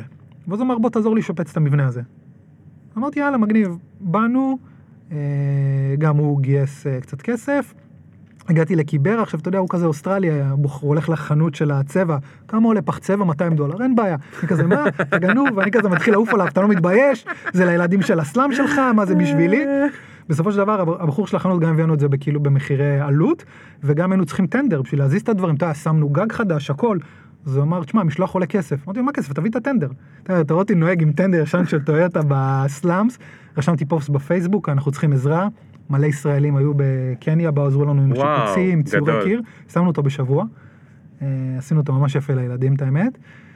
אה, התנדבתי... רגע, ומה הילדים עשו שם? מה הם היו אמורים הם- לעשות שם? לא, לא, יש- יש מורים, יש הכל, זה פשוט העברנו את המבנה. הבנתי. הם אוקיי. עברו למבנה חדש, נקי, בית ספר. למוגבלויות. נכון. מדהים. אה, ילדים, כן, כל מיני ילדים. זה יותר כיתה, זה שבע ילדים. תגיד, ואתה מספר שהוא גייס שם כסף אז. הוא גייס באוסטרליה את הכסף. אוקיי, אבל הוא הגיע לאפריקה ויש לו כסף. נכון. הוא לא מפחד שישדדו אותו במקום שאין בו... בחיים לא שדדו אותי. בחיים, בחיים, בחיים לא שדדו אותי. אני לא אומר שזה לא קורה. גילית שיש הרבה סטיגמות שהן אה, שטויות במיץ עגבניות? שוב, זה קורה שאנשים, ששודדים אנשים באפריקה ובברזיל, ושמעתי על הרבה אנשים, איומי אקדח וכל זה, פשוט, ביחס לאנשים שמטיילים זה לא כזה הרבה. אני מאמין ש-95% מהאנשים טובים, אולי אפילו יותר. אבל כשמשהו קורה, כשמשהו רע קורה, אתה יודע, זה מהדהד, אין מה לעשות, וזה נשמר, ו... כן. אז אה, ברור שזה קורה, ואני לא אומר שלא צריך להיזהר, אבל לי, זה, לי באופן אישי זה אף פעם לא קרה. אוקיי. והייתי בכמה מקומות שנחשבים אה, מסוכנים. אוקיי, אז אחרי קמרון... אחרי קניה, אה, זה היה כבר בקניה, נכון. כן. וואו, בקמרון אתה בנית בית. אז לא, אני בניתי. מ- עזרתי, עזרתי, מבוץ ו- עזרתי לחבורה של אדריכלים מברלין לעשות את זה. נכון. אה, באוגנדה התנדבתי. תראה, לי זה קשה לעקוב, אבל איך אתה זוכר את כל ה... יש לי זיכרון טוב דווקא יש לי. שומעים? כן, יש לך זיכרון מדהים. התברכתי בזה. אה, אוקיי, אז אחרי קניה, אז אני, אני קופץ ל... זה לא בדיוק איך שטיילתי, אבל אה, אחר כך התנדבתי באוגנדה. ב... זה לא בדיוק ית- בית יתומים, אבל זה בית ספר שהתחיל עם 11 ילדים. כאילו זה משפחה שאח שלו מת. ואז הם לקחו את הילדים של אח שלו, שהם היו יתומים, אליהם הביתה ולימדו אותם. ואז איזה משפחה שיש להם, שהילד, גם ההורים מתו, שלחו את היתום לשם, וקיצר, עכשיו יש להם שם 600 ילדים. וואו. כן, זה boarding school, לא כולם יתומים, זה, זה גם בית ספר של הכפר, זה גם בית ספר של הכפר ליד, זה גם בית ספר של ילדים שאין להם, זה... אה, אז גם התנדבתי איתם קצת, אה, משפחה מדהימה, אתה, אתה חי בכפר באוגנדה, בלי כלום. אין, ש- אין שם כלום, לא חשמל, לא אינטרנט, לא מים זורמים, אתה אוכל מה שמגדלים, שזה תירס ופירה, זה לא נשמע טעים, זה טעים, אבל פירה בננות, זה לא בננות מתוקות, זה בננות ירוקות. אה, אתה פשוט חי שם בכפר, והילדים... אתה- אתה רעב לפעמים? לא. ואני טבעוני. ועוד אני טבעוני. לא חסר אוכל. תשמע, פירות, אחי, יש בכמעט בכל מקום. באמת, כאילו פירות זה לא בעיה. אה, גם ירקות, נגיד שם אז יש ערימות של פפאיה, קוקוס, בננות, בננות מתוקות, כאילו בננות הרגילות שלהם, שאתה מבשל ואתה עושה מזה פירה, או כמו תפוחי אדמה, תירס, שועית, אני מת על שועית, שועית אדומה יש כמעט בכל מקום, אה, עדשים. אבל חלק זה דברים שהם מגדלים, וחלק זה דברים שגדלים כאילו טבעי. נכון, הם מגדלים, הם, הם מגדלים, כל מה שאמרתי הם מגדלים, חוץ מאורז, אורז זה הדבר היחיד שהם קונים, וגם אורז זה בחגים. אז כאילו מה שעשיתי להם, אמרתי בוא נפנק את הילדים, הלכתי לשוק, נעשה להם ארוחה כזו, מה שהם בחיים לא אכלו. אז עשיתי להם אה, אורז עם קארי, כאילו עם, אה, עכשיו זה לבשל 600 ילדים, זה סירים ענקיים, כל המצרכים עלו לי פחות מ-100 דולר, שזה כאילו בדיחה. עשיתי להם, אתה יודע, גזר, דלת, אה, עדשים, כל מיני דברים שהם לא אכלו לפני, והם אה, ממש נהנו. הם עפו על זה. בשוק היה את הדברים שהיית כן, צריך? בשוק יש לך הכל. מאיפה היה לך קארי? אה, תבלינים. אה, יש אה, קהילה הודית די גדולה גם בקניה, גם באוגנדה. וואו. כן, אידי אמין העיף חלק גדול מהם, אבל יש שם קהילה מאוד גדולה של הודים. בקניה בעיקר על החוף, אה, אבל גם באוגנדה. מעניין. אז יש, יש, יש, איך הם יש את הגיעו. לשם. אה, סוחרים Hmm, בעיקר. הם סוחרים. וגם נראה לי הבריטים הביאו בתור עבדים. עשו כזה הפרד ומשול. אז הם כן. לא, כן. איזה טירוף. אוקיי, ומה אחרי זה? אני כבר מת לשמוע. אה, והתנדבתי בבית ספר קטן גם ב... אז היה את הפאבלה בבר... בברזיל. יצא לך, סליחה שנייה, בכל הבתי ספר האלה גם ללמד? לא, אני לא, אני לא, אני פחות עם הילדים. זה לא הצד החזק שלי. אתה באופריישנס. בדיוק, עוזר עם לשים להם סרטון, לעשות להם תמונות, אה, לעזור להם עם האתר, לשלוח מתנדבים, אה, תרומות, כל הדברים האלה. וכשהם לא מדברים בשפה שאתה יודע? הילדים? יאללה, זה קל. אתה מביא כדורגל, הם ישר מבסוטים. אבל אה, הם מסתדרים, למרות ששוב, אני לא חושב שאני צריך לבוא ללמד אותם אנגלית. לדוגמה, יש את המקומים שעושים את זה, אני לא... התנדבות זה עולם שהוא מאוד בעייתי גם, כי יש הרבה טוב ויש בו גם הרבה רע, בגלל שבזה הרבה כסף. יש מה שנקרא volunteering tourism, שאתה בא, אתה יודע, אני לא, אני לא חושב שאנחנו צריכים ללמד את הילדים האלה אנגלית. כי יש מורה מקומי שלומד אותם אנגלית, אנחנו לא צריכים לקחת לו את העבודה. אם אתה בא להתנדב בבית ספר, תעשה משהו שהם לא יכולים לתת. תן להם אור, תן להם כיוון למשהו חדש, תלמד אותם יוגה, תלמד אותם צילום, כן. תלמד אותם קרב מגע, את הילדות, בגיל כן. 15 שלא חסר שם תקיפות מיניות. תעשה דברים שהמקומיים לא יכולים לתת להם, אם אתה כבר, זה לדעתי עם התנדבות. ותגיד, בכל ההזדמנויות האלה שאתה גייסת כסף, אז אתה לקחת חלק מזה בתור כאילו פתאום? מנהל, הפ- למה פתאום? אתה לא. מנהל הפרויקט, לא. אתה צריך אה, משהו. לא, קודם כל אני מתפרנס מהרצאות, ברוך השם, מתפרנס טוב אפילו, אז אני לא צריך, וגם כשעשיתי, ש- שעשיתי עכשיו את הצילומים במיאמי, עשיתי את זה עם בית ספר מאוד עשיר, באמת, ליהודים של מיאמי, אותו חבר'ה של ה... שתרמו אז, אחד מהם. גדול. אה, הוא כאילו שילם, כן, הוא שילם על כל ההדפסות של הציורים והכל. רגע, מה זה הציורים? הצילומים. סליחה, הצילומים. הצילומים אה, שלי, מה. שהדפסנו, כן. אוקיי. אז הוא, הוא שילם על הכל, על ההדפסות שלהם, על המקום, על הבורד שצריך להניח, אה, והוא תרם את זה בעצם, זה בעצם הייתה התרומה שלו. ואז הוא אמר, תשמע, עכשיו אתה תיסע בחזרה לפיליפינים, יעלה לך כרטיס טיסה, לפחות זה, ולא רציתי לקחת, כי אז זה לא התנדבות. אם משלמים לי על זה, זה הופך את זה ל... למקצוע. כן. לא, אבל יש, אתה יודע, יש עמותות. עמותות הן אה, דרך שבה נותנים לאנשים להתנדב הרבה מאוד זמן, כשהם יוכלו להתפרנס מזה גם. אז אני לא צריך. אני לא. באמת, כן, ברוך השם, אני מרוויח, כמו שאמרתי, מספיק טוב מהרצאות. באמת שיש לי מספיק. מתי התחלת להרצות? אה, ארבע שנים, לפני ארבע שנים. לפני ארבע שנים. לפני? ואתה אומר על עצמך שאתה היפר, שאתה דיסלקט, שאתה דיסקרף, למרות שבינתיים אתה כבר כותב בלוג, אתה כבר מצלם, אתה כבר עושה הרבה פרויקטים, אבל איך אה, הגיע הרעיון להרצות? אה, שואלים אותי מלא שאלות. אני מקבל לבלוג ביום 50, 60, 70 הודעות ביום, פחות או יותר. אני שעתיים כל יום עונה לאנשים באופן אישי, באמת, זה חלק שאני לא מוכן לוותר עליו, וגיליתי שהרבה מהשאלות חוזרות, והרבה מהשאלות זה אותן שאלות, והרבה מהדברים שאנשים, מהרבה מהסיפורים שאני מספר לאנשים, אה, זה משפיע על אנשים, אתה יודע, זה ממש נוגע בהם וזה נותן להם השראה. אז אמרתי, אוקיי, במקום שאני יענה על אותן שאלות כל הזמן, אני אעשה הרצאה. ומי שירצה יבוא ישמע. אז בניתי איזה סוג של הרצאה, שוב, אני אומר, אני אעשה הרצאה. עבדתי על ההרצאה הזו חודשים, כן? זה לא שאמרתי, טוב, יאללה, אני אעשה הרצאה. עבדתי עליה חודשים, בניתי מצגת, אה, עשיתי את ההרצאה הזו מול מראה אולי 50 פעם, העברתי את זה למשפחה שלי עוד 20 פעם, הערות, אה, ממש, ישבתי על זה חודשים, בניתי משהו שאני מאמין בו. עשיתי, אמרתי, טוב, אני אעשה הרצאה ראשונה בתל אביב, זה היה באיזה מסעדה בדרום תל אביב. יגיעו 10, 15, 20 אנשים, ואז אמרתי, כדי להיות בטוח שיגיעו לפחות ה-20 אנשים האלה, אני אעשה את זה ביום הולדת שלי. עכשיו, לי ולאחותי, יש לי אחות תאומה, יש לנו יום הולדת באותו יום, חברים קרובים יהיו חייבים לבוא. כן. כאילו. עשיתי את זה ביום הולדת שלנו לפני 4 שנים, הגיעו איזה 200 אנשים. וואו. היינו צריכים לפצל את ההרצאה, כאילו אמרנו חלק תבוא יום לפני, יום אחרי. אני בא, יושב על הגג, שותה בירה, יורד, רואה את כל האנשים, מסתובב. אחותי אומרת לי, לאן אתה הולך? אמרתי לה, בתל, אין סיכוי שאני עושה את זה. אין סיכוי, תראי את הידיים שלי, אני רואה את זה, אבל אני מזיע. התכוונת ברצינות שאין סיכוי. אין סיכוי. אומרת לי, די, אתה סתם אומר, אמרתי, אבל אני לא מסוגל. אני לא זוכר את ההרצאה, אני לא רוצה לעשות את זה, אני באמת, חשבתי, הלב שלי על מתניים, אני לא מסוגל. אמרתי, אתה מגזים, בוא תעלה, בוא נעלה על הגג, נשתה, יעבור לך. עליתי להרצאה הראשונה של שיכור, לא צוחק, שיכור מת, שיכור, אני לא זוכר אותה, אין לי מושג מה היה שם, אה, אבל צלחתי. ההרצאה השנייה גם הייתי שיכור מת, שלישית טיפה פחות, אבל גם עד היום אני מת מפחד. העברתי למעלה מ-100 הרצאות, כל ה-20 דקות הראשונות של ההרצאה אני מדבר אוטוסטרדה, כאילו, כי אני כל כך לחוץ. אני יודע ממקורות יודעי דבר שההרצאות שלך מפוצצות. כן. מפוצצות. וגם הן תפוסות מראש, כאילו, לא משנה כמה זמן ישימו. כן, הרצאה הראשונה עכשיו שפתחתי לפני חודש, יש לי אותה יום שני בקנטה, אה, היא הייתה סולד אאוט אה, תוך שלושה ארבעה ימים. אה, איך אתה מסביר את זה? הרי כל האנשים שישבו שם בקהל, הם לא הולכים עכשיו להיות לונלי פלג, עובדה, אתה מכיר מעט מאוד כנראה ישראלים שהם מסתובבים ככה במשך עשר שנים. אז איך אתה מסביר את הרצון של אנשים ככה ל- ל- ל- לשמוע את מה שיש לך לספר?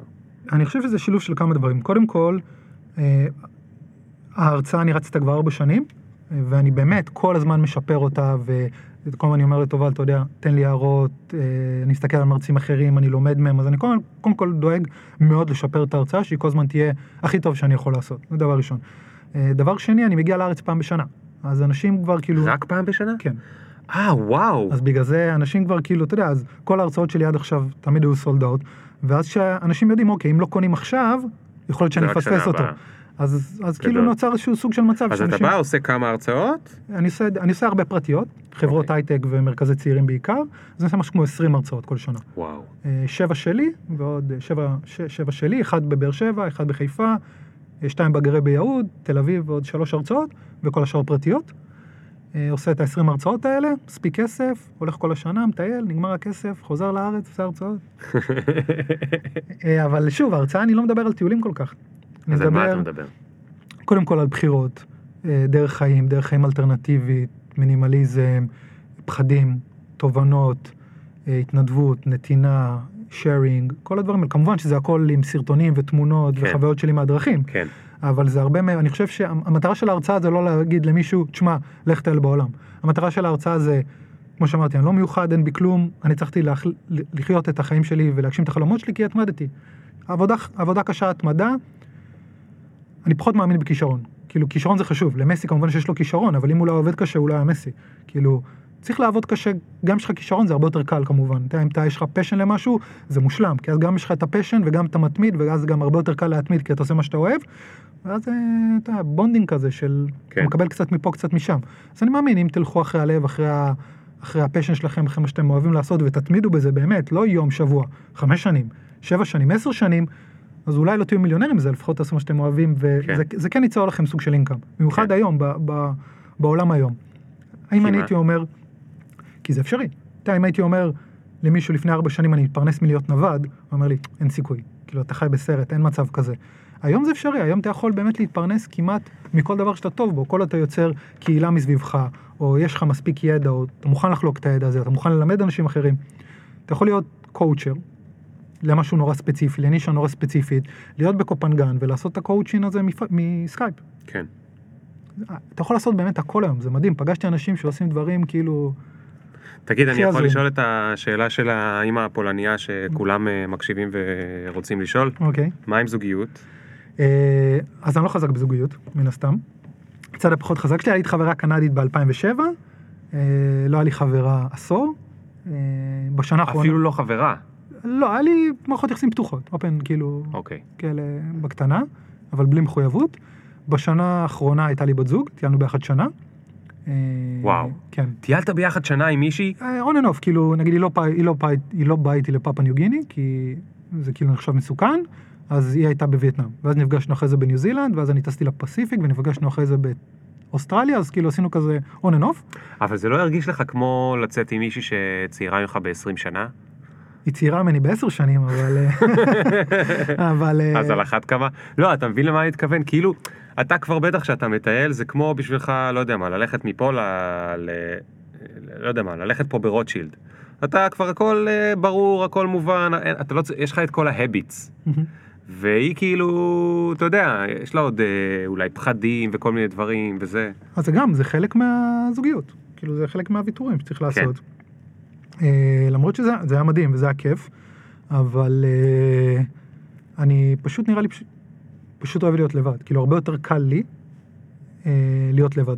כן. שאני, לא, לא- זה לא קשור בכלל למחויבות פיזית, כן? אני מדבר כן. על שאני לא צריך לקום בבוקר ולשלוח וואטסאפ והכל בסדר ומה קורה ומה המצב וכן דיברנו, לא דיברנו וכן לחשוב ולא לחשוב, פשוט להיות כן. אני לבד, אני מרגיש שיש לי הרבה יותר זמן ביום ואני הרבה יותר אה, פרקטי. למרות ששוב, אתה נראה טיפוס מאוד חם. לא, לא, אני, מאוד טיפוסים חם. חמים בדרך כלל צריכים כן. חום. אה, כן.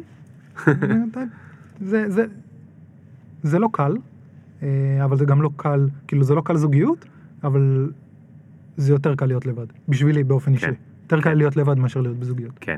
אז, אז גם משפחה זה נגיד לא חלום שיש לך. אני לא רוצה ילדים.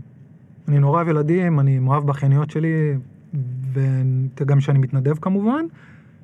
אני לא רוצה ילדים משלי, יכול להיות שעוד עשור אני כן ארצה, מהמם. it's never too late, וגם כן אני יכול לאמץ. כן. כאילו יש כל כך הרבה ילדים שאין להם, אם אני אחליט בעוד 10-15 שנה שאני רוצה ילדים, לא כזה סיפור. מדהים. תגיד, אמ, אתה חושב על העתיד לפעמים? לא, כי I made it so far, כאילו בלי לחשוב על העתיד, פשוט לחיות את הרגע ולעשות מה שטוב לי, אז למה? כן, ואין לך מחשבה אולי I made it so, so far כי הייתי בשיא עוני? הייתי במקסימום אנרגיה, הייתי יחסית צעיר, אני גם פיזי, משתפר, משתפר, אחי. הכל משתפר. בטח. תשמע, אני, קודם כל אני שומר על עצמי, כאילו גם מבחינה פיזית. אני, אני, אני רץ, אני עושה פק"לים, כאילו אתה משתדל לעשות אה, כמעט כל יום, אני טבעוני, שזה זה גם מדהים, אוכל. אחרי 150 מדינות אתה עדיין אומר פק"לים, כאילו לא כן, מצאת כן, לזה לא, ביטוי אחר. כן, זה הכי קל. אז אני כן מתאמן, אני כן מנסה לשמור על אורח חיים שהוא יותר בריא. אה, אתה טבעוני, אני טבעוני. לא מטעמי בריאות, מטעמי מוסר, אבל אני מאמין ש... שאתה... שזה גם בריא. אני מאמין שזה כן טוב לגוף שלנו. אתה מעשן? לא. אה, אני לא מעשן weed כי זה מרדים אותי, אני עושה סמים אחרים, אבל אני לא... אני שותה, כמו כולם, אבל לא... פחות, הרבה יותר, הרבה פחות מפעם. כאילו, כשעברתי את גיל 30, פתאום הבנתי שהגוף שלי, אתה, הייתי פעם יכול לצאת, לחגוג, מסיבות, בום, קרחנות, ברנינג מן, אה, קם בבוקר אין בעיה. פתאום אחרי גיל 30 אתה מרגיש אוקיי, צריך להאט. מתי אתה קם באמת בבוקר? אה, אני, אני, אני אף פעם לא שם שעון מעורר, אני שונא שעונים מעוררים, קיצה טבעית. היום קמתי ב-6 ו-20, וכשאתה בטיול? אין, אין, אין חוקיות. אה, כאילו- באמת? אין אין לך שעה שאתה כלום. תמיד קם בה? לא, לא, לפעמים זה 7, לפעמים זה 9, לפעמים אה, קורה גם, נגיד אם אני ישן באיזה כוך שאין אור, אני יכול גם לישון עד 11. ואין לך... וואו, לא שם שעון מעורר, אחי, אני לא יודע מה זה. אתה יכול לישון ככה פתאום עד 11? כן, אבל זה נדיר. זה אין- נדיר. אם אין אור, אור מעיר אותי. אני נורא אוהב את האור. לא, יש שני דברים שמאירים בן אדם, אור מהמם.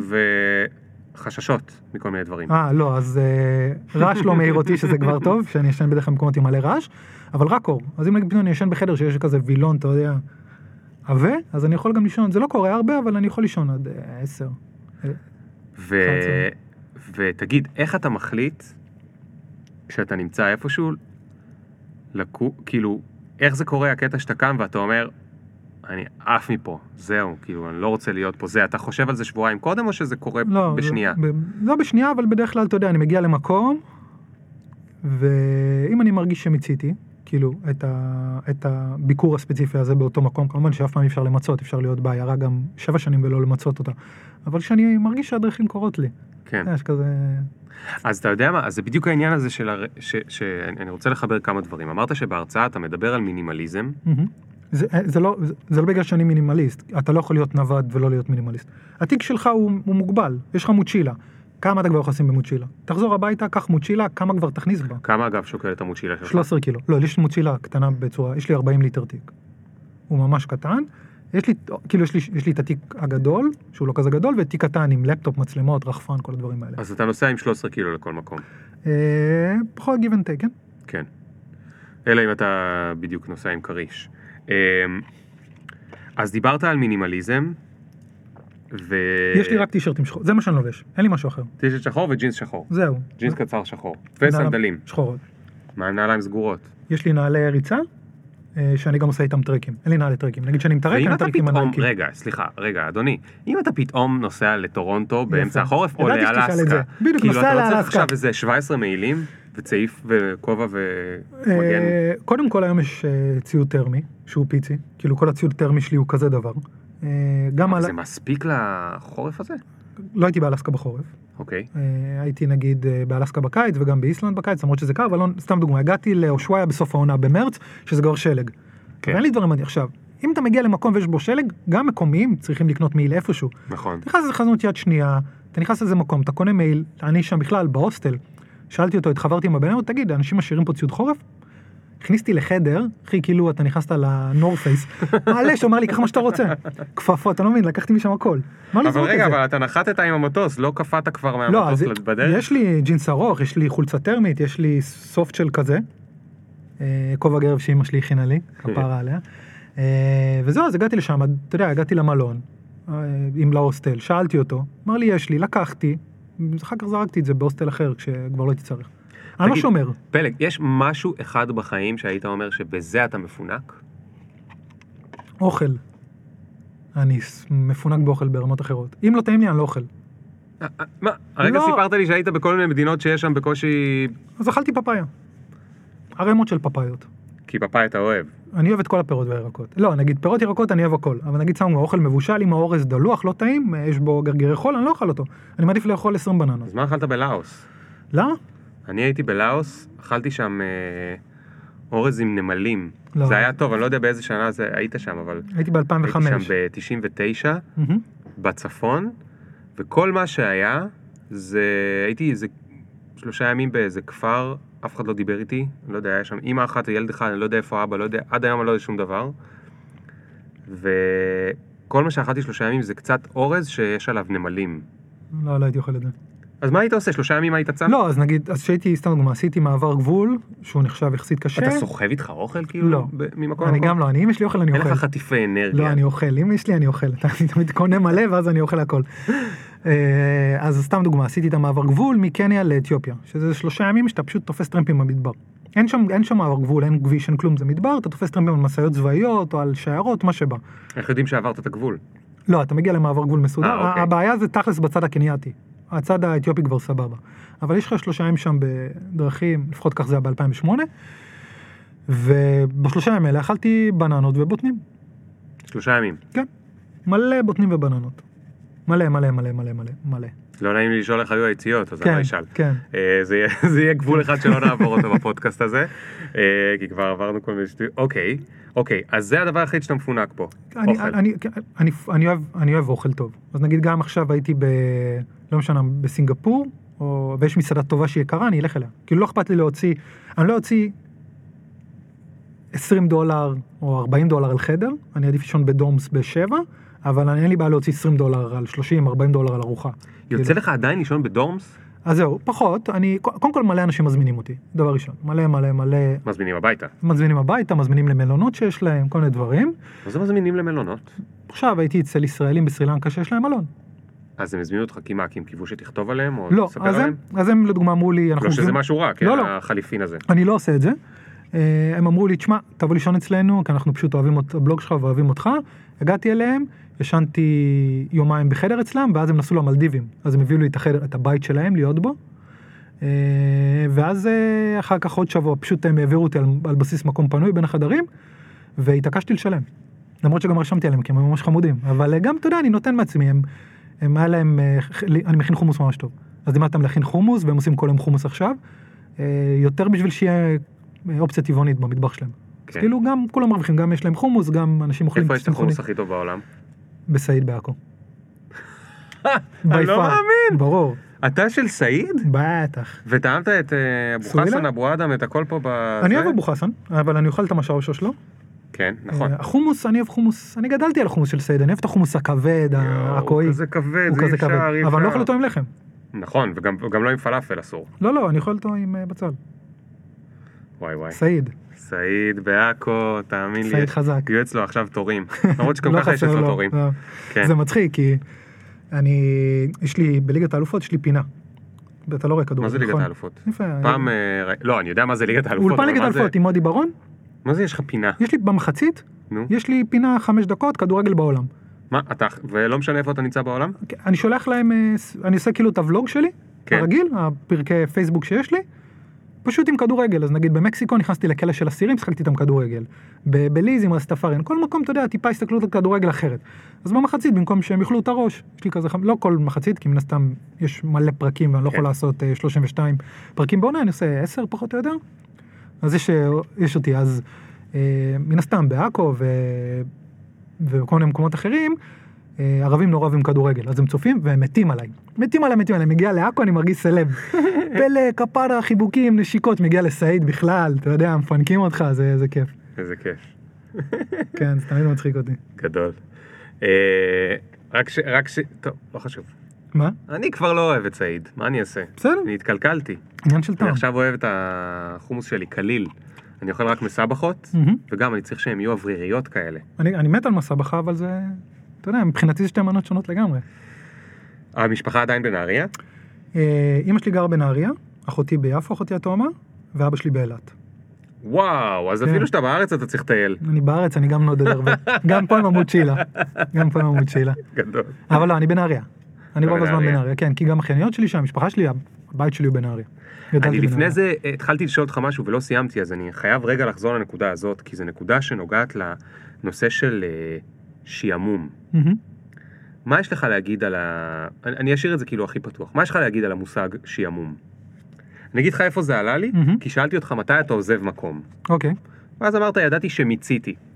עכשיו, להגיד מיציתי זה גם משהו שמוזר למישהו כמוך להגיד, כי obviously לא מיצית. לא, ברור שלא, אבל גם אמרתי אחרי זה, ישר אחרי זה, אף פעם אתה לא- אתה אף פעם. לא ממצה. מיציתי, אתה יודע, בשביל להגדיר את- בעצם את התחושה שלי בפנים, כן. של כאילו, זה פחות מיציתי כמו להגיד שהדרכים קורות לי. אבל מה זה אומר הדרכים קורות לי? אני אוהב לזוז.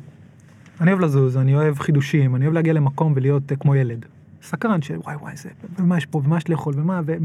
אתה יודע, אתה עדיין ככה הזמן, מסתקרן? כן. איזה מטורף זה. אני חולה על זה. אחרי, וואי, אחרי 15 שנה שאתה מטייל, ככה אתה מסתקרן, זה ממש מטורף, זה מתנה.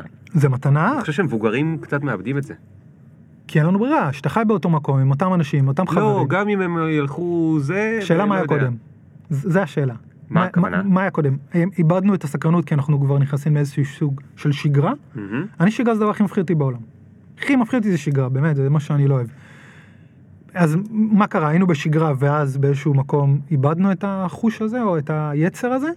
או שאם היינו ממשיכים, אז היצר היה נשאר. Mm. אני לא יודע. כלומר, אני לא- אולי אני אנחנו לא לא. מתרגלים אותו. אני אף פעם לא הייתי בשגרה, אז אני לא יכול להגיד. כן. אה, אבל לא דיברנו, אבל יש לי, הספר שלי גם יוצא עכשיו, ב-10 לאוקטובר. אה, אה, איזה נחמד. נכון, 10 לספטמבר, סליחה. אה, מאמצע ספטמבר הוא לא בחנויות. ידעתי שאתה כותב ספר. שש שנים כתבתי ספר. שש שנים. שש שנים עבדתי עליו. טוב, קח את הזמן, אחי. לא, רגע, עבודה, כי מה- עבדנו מה- עליו. אז הספר זה- זה סיפורים מחו"ל, או שזה כמו ההרצאה יותר דיבור על... אה, הספר הוא לא עליי, הספר הוא רומן, הוא כאילו novel, זה בכלל עלילתי. ספר עלילתי, אני קורא לזה. יומן מסע עלילתי. אוקיי. יומן מסע עלילתי. כמובן שהרבה מהסיפורים סיפורים אמיתיים שקרו לי. אה, הרבה דברים שקרו לדמות זה דברים שקרו לי, הרבה דמויות זה סיפורים אמיתיים או שילוב של דמויות, אבל הרבה גם לא אמיתי. זה כאילו 70-30 כזה, nice. כן. על מה אמיתי ומה...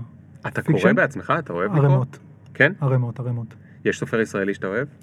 אה, אני פחות, האמת, אני אוהב ספר... הספ... אני יותר אוהב ספרים לא ישראלים, לא יודע למה, אבל אתה יודע, עמוס עוז כמובן הוא מדהים. כן. אה, יש לך... ואילן הייטנר? זה מחוכמת הספר, הבייגלה? אז זהו, זה הספר הראשון שקראתי בחיים שלי.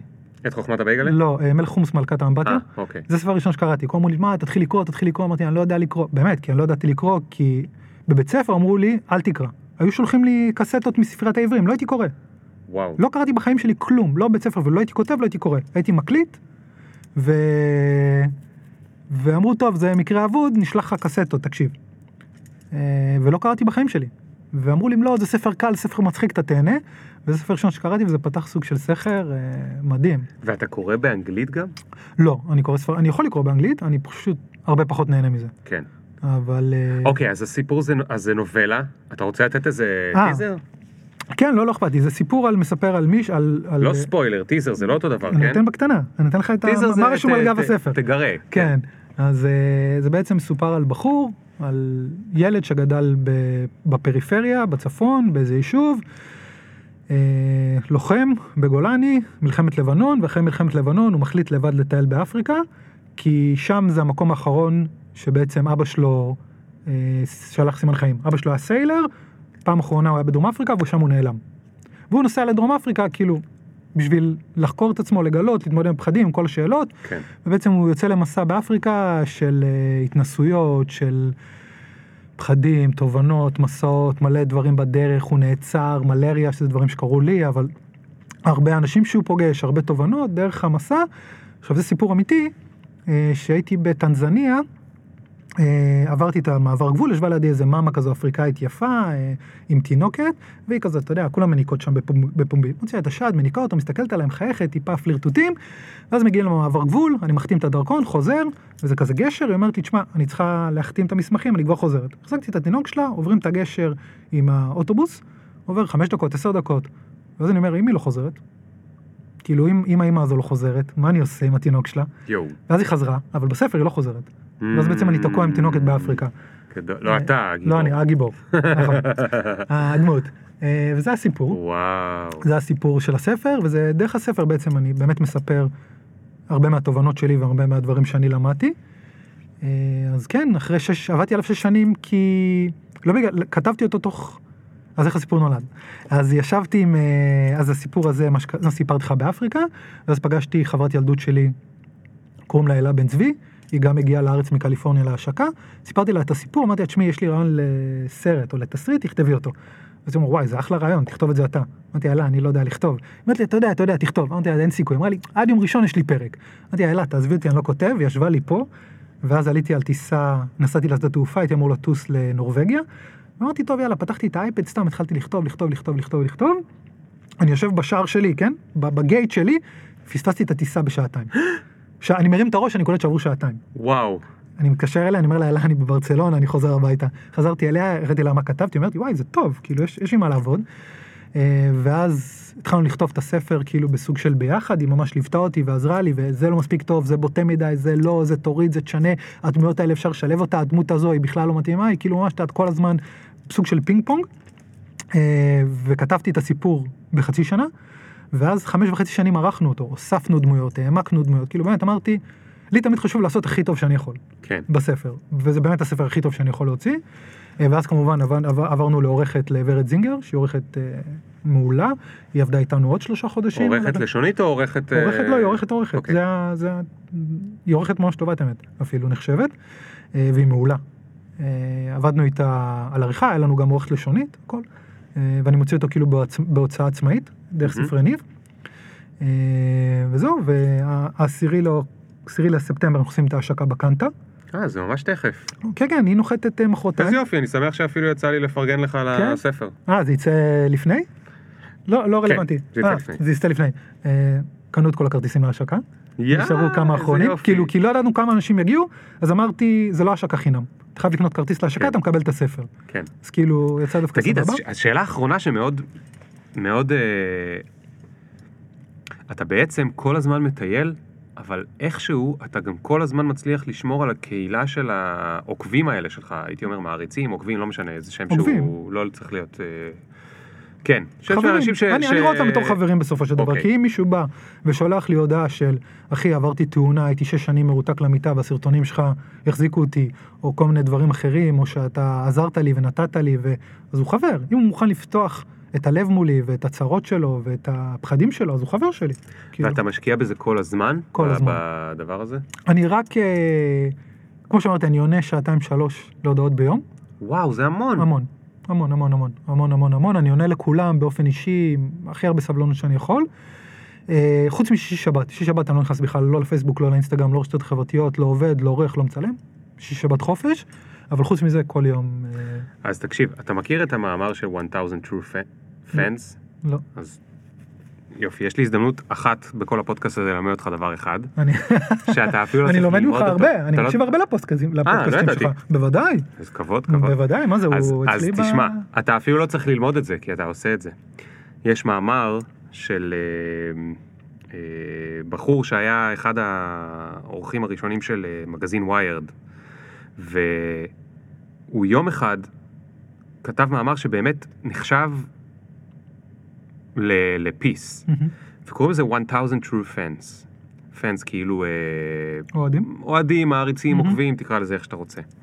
ומה שהוא מסביר שם, זה שיש לך שתי אופציות. אתה יכול לנסות להיות U2, מהמם. שיהיה לך עשרה מיליון אה, מעריצים בעולם, או אתה יכול רק לנסות שיהיו לך 1000 true fans. מה זה true fan? true fan זה מישהו שהוא כבר כל כך אוהב אותך, ואת ה... זאת אומרת, את העשייה שלך, אולי גם אותך, אבל את. העשייה שלך, או את האומנות שלך, או את ה-whatever, שעכשיו זה לא משנה מה אתה הולך לעשות, אתה אומר לו, אני הולך להוציא ספר, הוא קונה. בכלל לא אכפת לו, הוא, לא, שמע, הוא לא שמע אפילו את כל הסיפור הזה, זה לא מעניין אותו. מהמם. תגיד לו, אני הולך לעשות ספר צילומים, הוא קונה. תגיד לו, אני הולך לעשות אה, הרצאה על פילים, הוא בא. זאת אומרת, בכלל לא משנה לו, כי הוא true fan, כי איכשהו יש לו שם חיבור עמוק איתך בדבר הזה. ומה שהוא מסביר שם זה שבדרך כלל אנשים, אה, אה, אנשים שלא כמוך עשו את זה כאילו על הדרך ובטבעיות והרבה אהבה גדולה, אלא אנשים שרוצים להקים עסק וזה, ואין להם את ה... הם לא יודעים איך לעשות את זה, והם... they get it all wrong, כי הם מנסים רק לגעת בכמה שיותר אנשים. אבל מה הקטע? כשאתה נוגע בכמה שיותר אנשים, אתה נוגע ממש קצת. כשאתה נוגע במעט אנשים, אבל הרבה, כי אם אתה עכשיו יושב ומתיישב שעתיים ביום. זאת אומרת שכל אחד כזה מקבל ממך הודעה, לא רק שתי מילים, לפעמים הוא מקבל ממך, כאילו יכול להיות שלפעמים אתה כותב שתי מילים, תודה אחי, אבל לפעמים אתה כותב אימייל של לא יודע כמה, הודעות קוליות. ואתה נותן, הוד- הודעות קוליות, אוקיי, אתה נותן שם את הנשמה, אז אתה מחזק את הקשר עם הבן אדם הזה, וה-1000 true fans האלה, זה מה שנותן לך, אני מסתכל על זה בצורה כאילו קצת יותר מחושבת כזאת, מרקטיאלית, את האופציה להמשיך לעשות את מה שאתה אוהב, אתה יכול לעשות את זה עכשיו שנים קדימה. וזה הסיבה שההרצאות שלך מפוצצות, וזה הסיבה שלך שההשקה שלך מפוצצת עוד לפני שהוצאת, וגם הספר שלך טפו טפו טפו יימכר כמו שצריך לפחות אלף פעמים, אני אומר לך. אני לא יודע. כמה true fans יש לך, יכול להיות שיש לך 5,000, אבל הדבר הזה, למה הוא מקסים בעיניי? לא רק בגלל שזה מנוגד להרבה פעמים איך שאתה יודע, אנשים אומרים, אני רוצה ערוץ יוטיוב עם מיליון עוקבים, אני רוצה... זה לא מעניין. אם יש לך ערוץ יוטיוב וכל אחד צופה בו שתי שניות, זה לא יעזור. אם יש לך אלף איש שצופים שעה, זהו, הם שלך. אז זה לא רק בגלל ש, שזה מגניב, אלא גם בגלל שאני חושב שזה הרבה יותר אנושי. איפשהו בתוך כל ה... העולם הזה של האינטרנט, אנחנו קצת איבדנו לפעמים את הקשר האישי הזה ואת ה... את האימפקט שהוא יכול לעשות גם לאנשים באמת, וגם שזה יכול לעבוד עם מעט אנשים לעומק, במקום עם כל, כולם, כל ישראל. הרי אתה יודע, תשאל את הבן אדם הממוצע בישראל, הוא לא יודע מי אתה. עכשיו, אתה חי בתוך בועה שיש לך מיליון מעריצים, כולם מכירים אותך, אבל בן אדם ממוצע בישראל עדיין לא יודע מי אתה, וזה לא משנה. אתה לא צריך להיות על שבע ימים, אתה לא צריך להיות בערוץ 2 למרות שאתה בליגת האלופות. מספיק שאתה עושה את האומנות שלך קונסיסטנטי כל הזמן, ועם הוידאוים וההודעות הקוליות והאימיילים והשעתיים ביום הזה, זה, זה מקסים, ואפשר כאילו, ו, וגם בזכות האינטרנט, אתה יכול לקיים משפחה גדולה כזאת, בול. של אלף, אלפיים, חמשת אלפים איש, אני לא יודע כמה שאתה איתם איכשהו בקשר, בטוח שהרבה מהם כתבו לך אימייל כבר פעם שביעית, ברור. או עשירית, ולא רק אה, זה, גם יש אנשים שאתה יודע, פתאום אני כבר רואה אותם בהרצאות פעם שלישית ורביעית. באותה הרצאה. כן, אתה יודע, וזה זה באמת, שוב, זאת לא הייתה הכוונה כמובן, אף פעם לא חשבתי שאני אעשה מזה כסף, זה העסק שלי באיזשהו מקום, אבל אני גם לא רואה את זה כעסק, אני לא עושה את הדברים האלה. בבלוג שלי הוא 100%, אף פעם לא עשיתי שום שיתוף פעולה, אף פעם לא הכנסתי תוכן שיווקי. אתה יודע, אני באמת עושה את זה כי כיף לי לעשות את זה, אבל גם אנשים לא רואים את הצד השני. תחשוב שעכשיו אני הולך בסרי לנקה. אני הולך לי בסבבה שלי, אחי, מישהו בא, אני לא מכיר אותו, מביא לי חיבוק. לא מכיר אותו, אחי, בא מביא לי חיבוק, אחי, אני אוהב אותך. עכשיו איזה כיף זה. הייתי במסיבה שם, ניגש אליי איזה בחור כזה, היה שיכור, אומר לי, תשמע, אני חייב להגיד לך את זה, לא היה לי אומץ, עכשיו אני שיכור, אני יכול להגיד לך. לפני איזה כמה ימים נכנסת למסעדה. וישבת, ישר רציתי אותך, ורציתי לשנוא אותך. אמרתי, בטח, הוא זה, והוא מתפלסף, והוא עף על עצמו והכל, ישבת איתנו. לא דיברת על עצמך לרגע, שאלת שאלות, התעניינת, היית כאילו הכי, הכי כאילו סבבה עם כולם, הכי מלא סבלנות, ענית וזה, וכאילו אחר כך חזרתי לאוסטר וסיפרתי שפגשתי אותך, ואמרתי, תשמע, נגעת, באמת, נגעת בי. וזה, ואמרתי לו, תשמע, עשית לי היום. כאילו לקבל את זה מאנשים, של לבוא לדעת שזה באמת דו-סטרי, זה לא רק ה... כי אני כן. באמת מקבל מלא אהבה מאנשים, ערימות של אהבה מאנשים. וזה מדהים, לדעת שזה, אתה יודע, שאתה יכול גם לתת בחזרה. איזה זה, כיף. זה, זה אין, זה באמת הברכה הכי גדולה. טוב, הגענו לשלב השאלה הזהה. מאוד מצחיק לשאול אותך את השאלה הזאת, אבל אני אשאל בכל זאת, אז אתה טס במטוס, והקברניט אומר, אה, חבר'ה, המטוס הולך להתרסק, יש לכם ארבע דקות לחשוב על אה, שארית החיים שלכם, ועכשיו אתה יושב וחושב לעצמך, איזה באסה שלא הספקתי, להיות באיראן. זה החלום שלי. איראן, אני מת לטייל באיראן. כאילו יש לי רק דרכון ישראלי, אז אה, לא נראה לי שזה יקרה בקרוב. איך עוד לא התארגנת על איזה חברים. באיזה שגרירות? טוניסאי, אחי, מה אני אעשה? דרכון טוניסאי. אה, למרות שם אפשר עם פורטוגלי, אבל אה, לא יודע, אף פעם לא התעסקתי בזה, לא- לא עניין אותי. אבל איראן, כשטיילתי במרכז אסיה... רגע, מלזיה ואינדונזיה היית? לא, לא, שום מדינה. אתה לא יכול. לא יכול. ודווקא באיראן. כן, כי איראן, קודם כל זה תרבות, אתה יודע, אי אפשר להגיד, קשה להשוות, אבל אחת העשירות, מאוד עתיקה, ושטיילתי במרכז אסיה, באזור של אה, אוזבקיסטן וטאג'יקיסטן, ולא משנה, כל האזור שם, אז כולם שואלים, אתה בא מאיראן או הולך מאיראן? כאילו, זה האופציה, אין, אין סיכוי שאתה לא תהיה באיראן אם כן, אתה שם, האירופאים. וואי, הצמידים עושים מלא רעש, בטח בפודקאסט. לא, זה טוב, זה רעש טוב.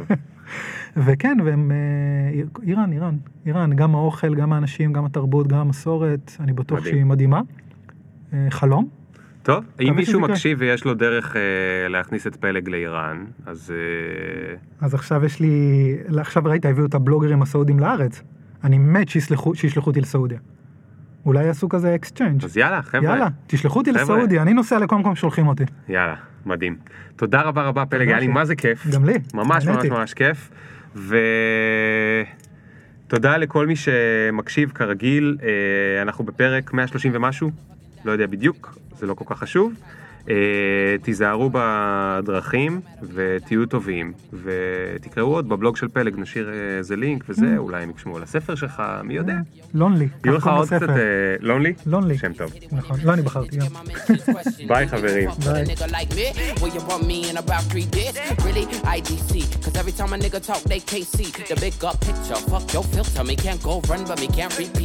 For